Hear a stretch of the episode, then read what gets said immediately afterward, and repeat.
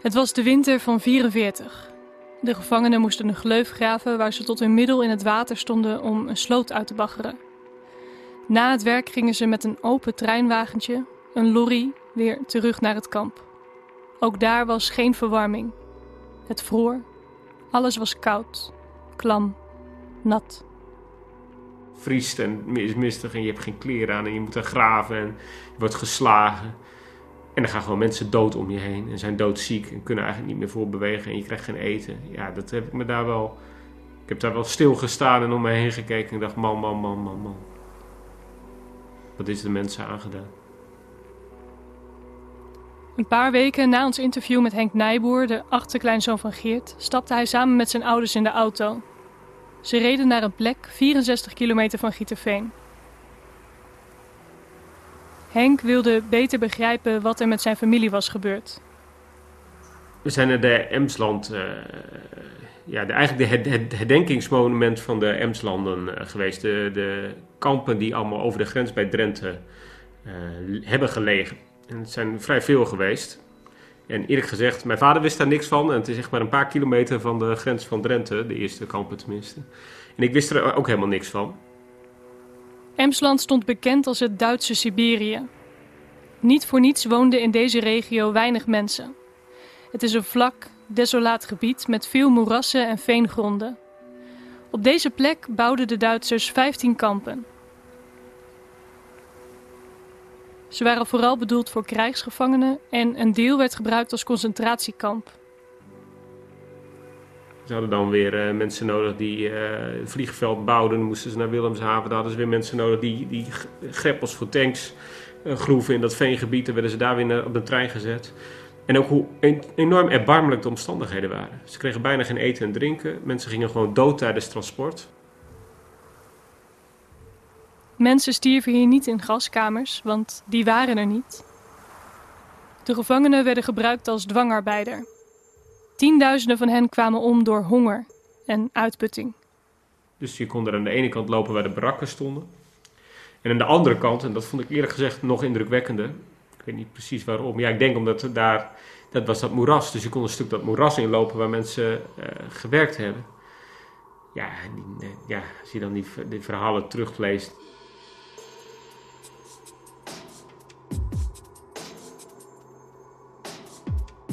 Dit is De Hilte Elf.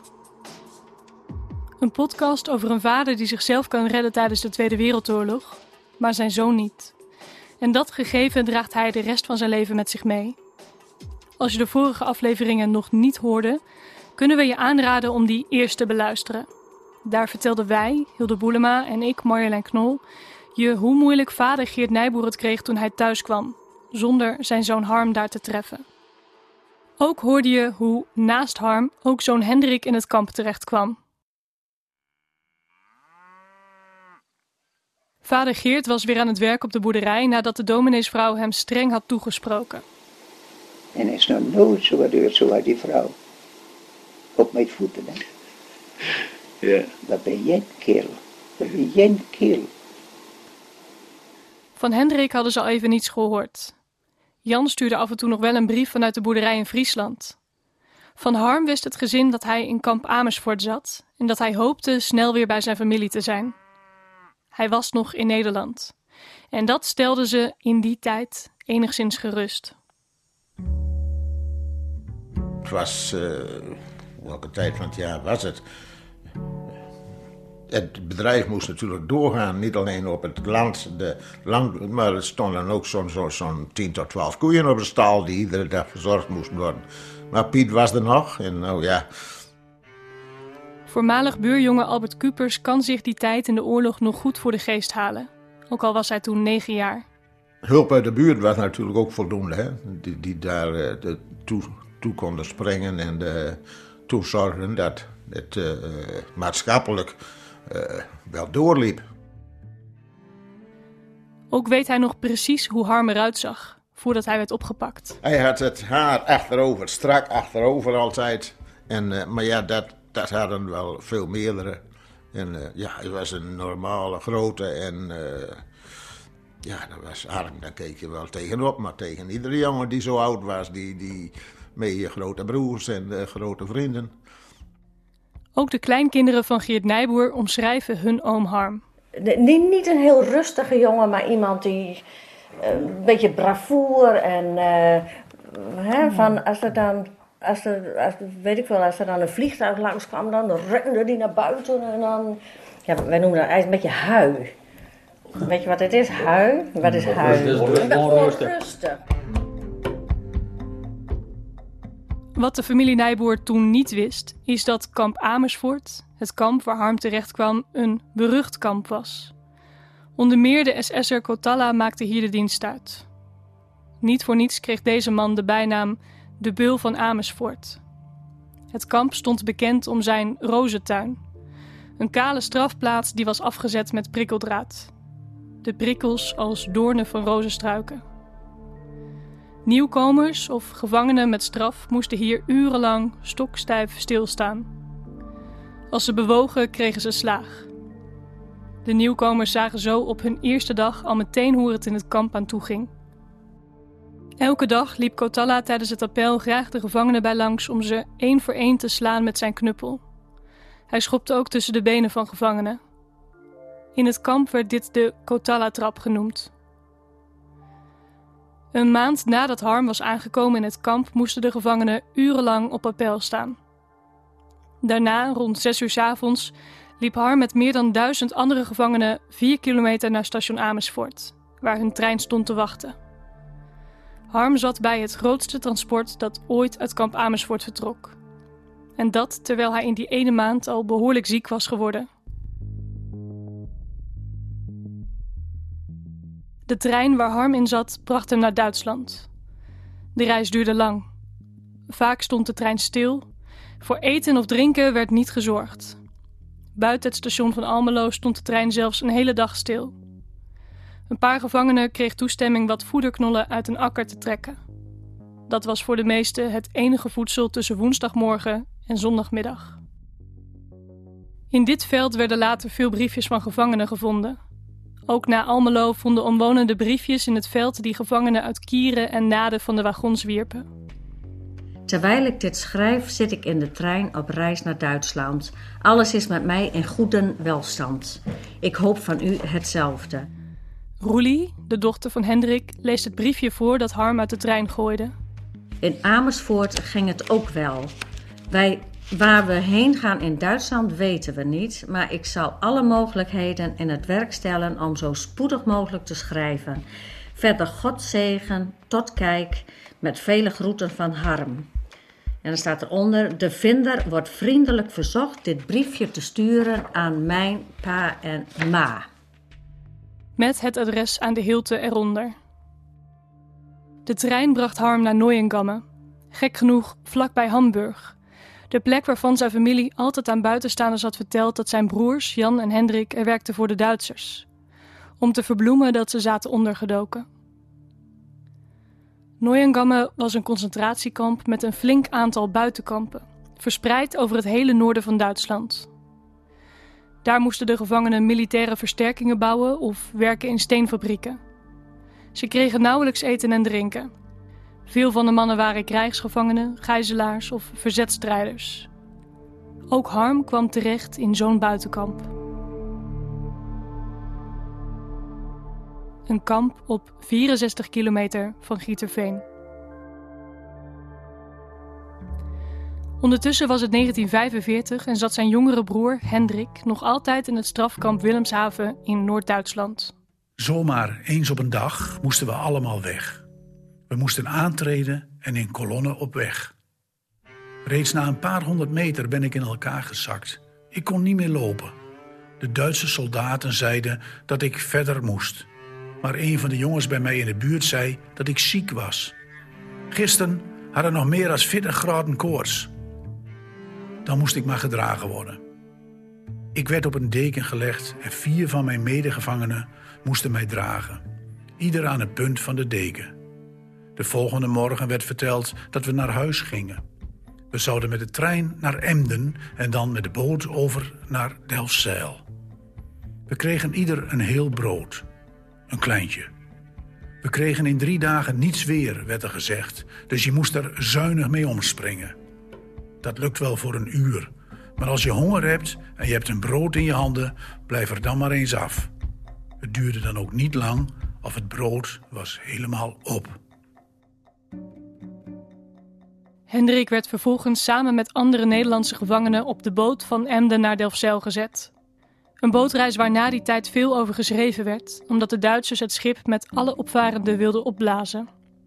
De transportleider zei dat hij opdracht had dat hij het schip met alle opvarenden moest laten zinken door middel van een tijdbom. De commandant kon dit niet over zijn hart verkrijgen. Ook de burgemeester van Delfzijl mengde zich in het gesprek en hielp mee dat de boot niet tot zinken mocht worden gebracht. Terwijl wij in de boot wachten, waren wij ons hiervan niet bewust. Veilig kwam Hendrik aan in Noord-Groningen, waar hij de bevrijding afwachtte.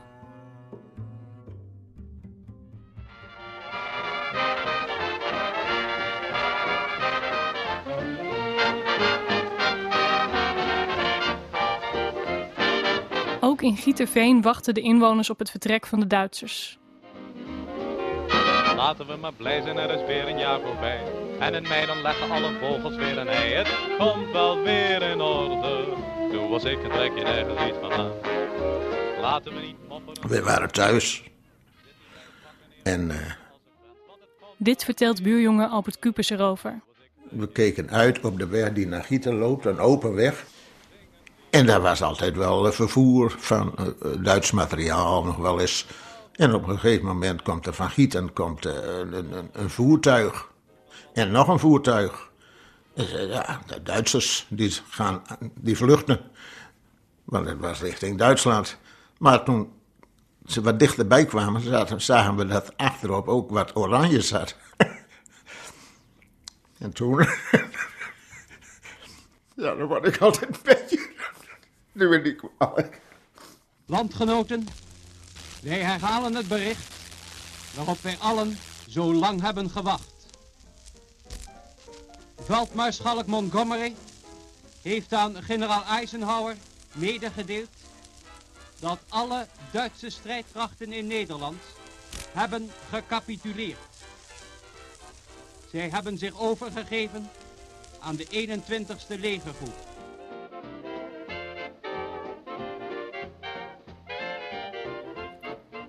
Het was feest in het kleine dorp. En daar waren de bevrijders. En die stopten daar op de Hilte. Daar was een café. Er gingen wat eten. De, ik dacht dat het eh, Canadezen waren. Eh, sigaretten. En eh, daar zijn we de hele dag zo'n beetje bij geweest wat daar gebeurde. Even eh, weer tot mezelf komen, sorry. Ook in de interviews van het Drents archief wordt gevraagd naar deze dag. Bijvoorbeeld bij Lambert Ketelaar, die in het verzet zat in Gieterveen. En heeft u op die dag van de bevrijding zelf nog uh, uh, fout, foute Nederlanders opgehaald of zo, NSB'ers? Op die dag, ja zeker. Ja? Ja. Oh, ja, toen kwam de tanks, maar na die tijd, ik heb met, met geweer op de rug, heb ik hem op, op, op, in Gieten aangegeven. Oh, het was feest, gewoon weg. Op de dag van de bevrijding werden al NSB'ers aangehouden. En wordt benoemd dat het een feest was. Een feest dat de familie Nijboer nauwelijks meemaakte. Zij wachten nog op drie zoons: Harm, Hendrik en Jan. Nee, wij, wij waren niet zo plezierig. Je hebt geen feest vieren. Je Nee. bent blij dat je bevrijd was, maar dat was met de oorlog. Ja, Na een paar dagen, toen de roes van de bevrijding iets verminderd was, ontving de familie een brief van Jan. Hij probeerde zo snel mogelijk weer naar huis te komen. Alles ging goed. Jan had de oorlog overleefd en was gezond. Op het buurtschap De Hilte patrouilleerden in die tijd de binnenlandse strijdkrachten. Zij hielden alles in de gaten, vertelt Lambert Ketelaar. En van die tijd af, van 13 april, ik heb dat briefje dus zo straks, dat ligt hier nog, tot, tot in juni ben ik dus eh, voor de binnenlandse strijdkrachten in touw geweest. Ja. Nacht en dag moest er gepost worden, want je wist niet wat er allemaal nog gebeuren kon. Nee. Ja, en zo, zo ging dat doen. Na de bevrijding werden al gauw meer NSB'ers opgepakt. Iedereen die niet in het dorp thuis hoorde, werd ondervraagd. En op zijn weg naar huis kwam Hendrik Nijboer ze tegen. Hij kreeg van een vrachtwagenchauffeur een lift naar Emmen, waarna hij lopend en daarna fietsend terugging naar Gieterveen. Op de hilte stonden weer een paar mannen met een oranje band en een geweer. Ik werd weer aangehouden. Toen zag ik een paar bekenden, Ketelaar en zijn vrouw. Ik zei dat ze me gauw naar huis moesten laten gaan, maar vroeg of ze thuis wel wisten dat ik eraan kwam. Nee, zei Ketelaar.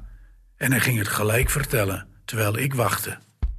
Op dat moment kwam mijn zuster Lammy eraan. Niets zeggen, zei de vrouw van Ketelaar. Eens kijken of ze je nog kent. Ze vroeg aan Lammy: Ken jij deze man ook? Wij vertrouwden hem niet.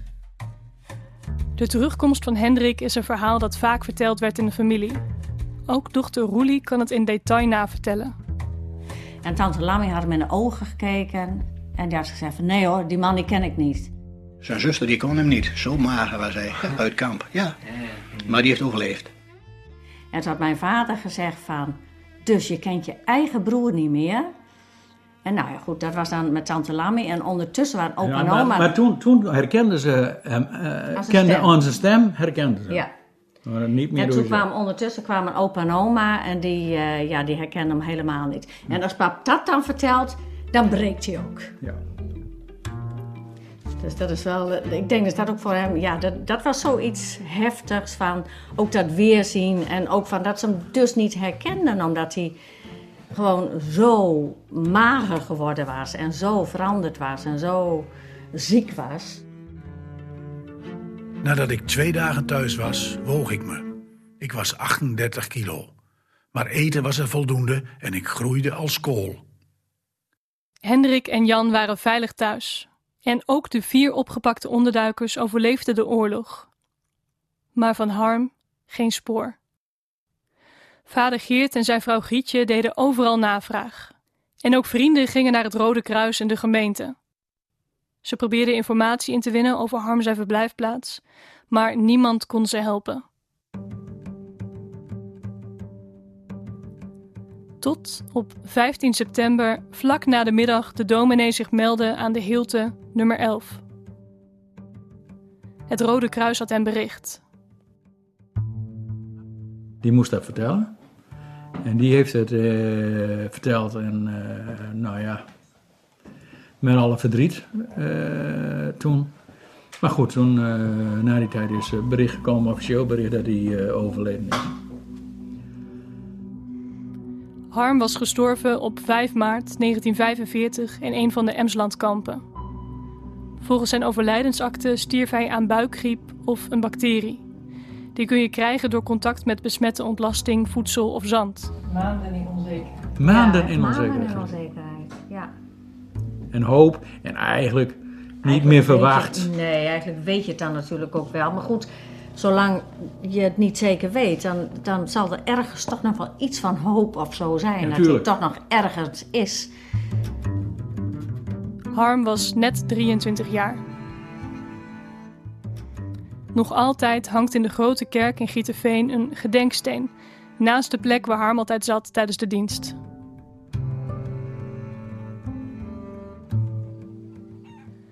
En op de Hilte 11, daar pakte de familie, hoe moeilijk ook, het leven weer op. De jongens trouwden en kregen kinderen. Dochter Lammy emigreerde naar Canada.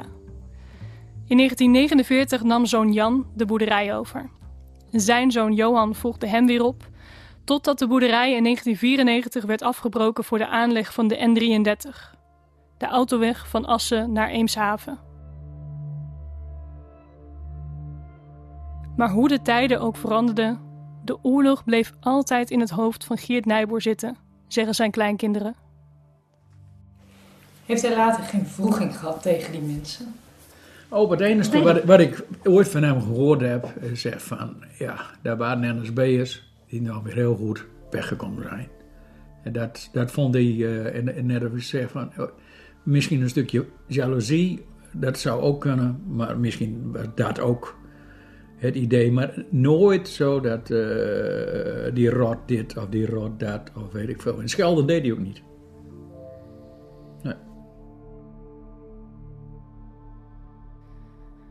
Drie jaar na de oorlog verscheen in de provinciale Drentse en Assercourant een artikel over het bijzonder gerechtshof.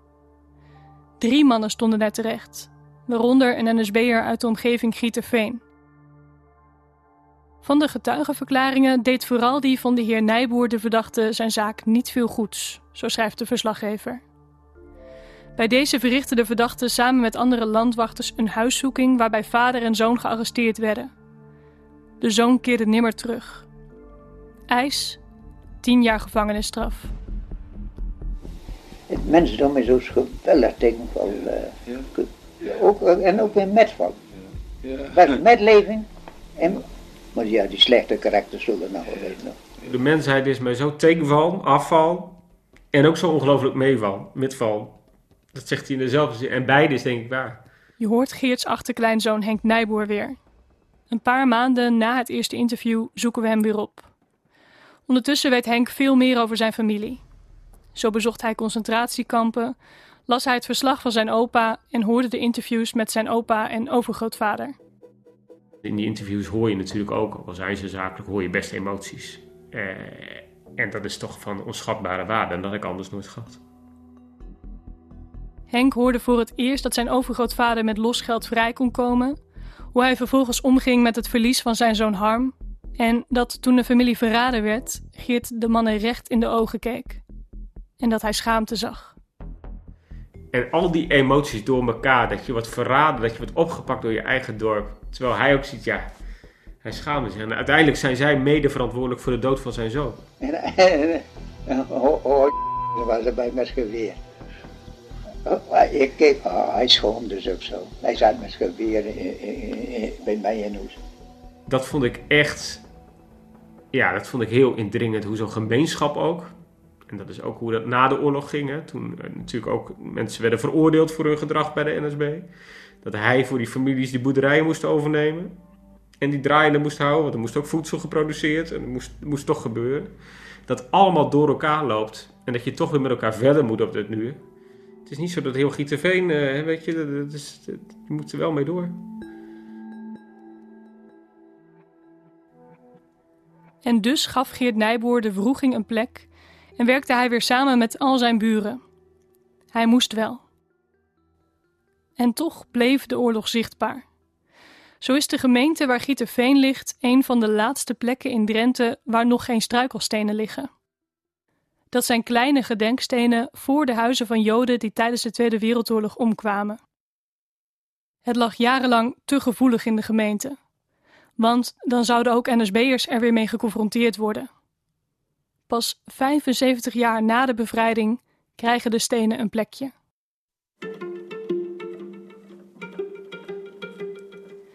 En wat betreft de interviews uit de jaren 80 van Geert en Hendrik, we kregen een bijzonder telefoontje nadat de eerste aflevering op de radio kwam. Hij was van Gini Nijboer, de vrouw van Piet, de jongste zoon van Geert. Ook Piet leeft niet meer. Gini is in de 90 en herkende de stemmen van Geert en Hendrik. Ze vertelde dat zij de cassettebandjes in huis heeft. Maar nooit naar had geluisterd. Want over de oorlog werd niet gepraat.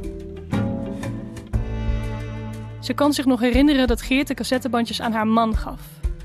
Hij zei daarbij uitdrukkelijk: Ze mogen niet eerder openbaar gemaakt worden dan dat ik overleden ben.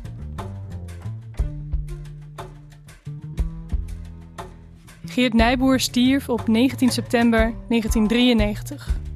Hij was 96 jaar en 10 dagen oud.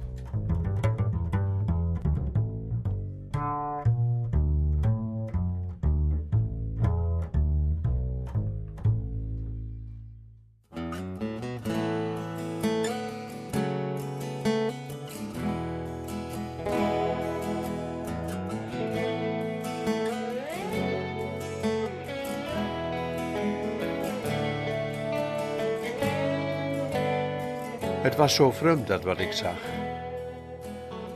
Ik was weer in mijn kinderland. En wie ik joren missen moest, die speelden in het zomerszand. De tijd bewoog zich in lus en boog zich naar de jongste dag. Het was zo woord.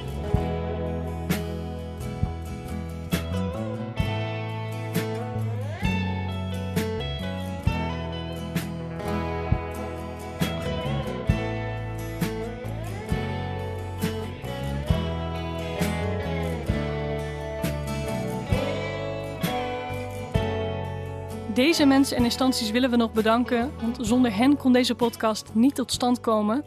Provincie Drenthe, V-Fonds, Drents Archief, RTV Drenthe, Historische Vereniging Gieten, B-Oort, Henk Nijkeuter, Wim Ensing, Carlijn Donders, Albert Kupers, Jantje Moek, Gerard Nijenhuis, Joost Dijkema, Remco Wind, Oorlogs- en Verzetscentrum Groningen, Niot, Gerrit Breusma, Anja Ruben, Michiel Gerding, Lucas Koops, Leen Ruben, Björn Brouwer, Martin Vuller, Sophie Timmer, Margriet van der Zee, Klaas-Jan Bos, Egbert Minema, Marjan de Vries, de kinderen van Jan Nijboer, Henk Nijboer en vooral Geert, Roelie en Rijn Nijboer.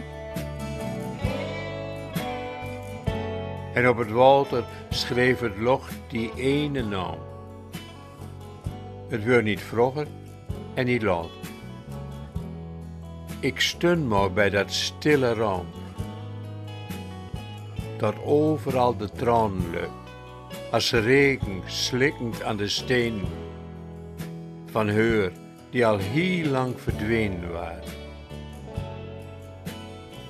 Maar nog altijd in mijn.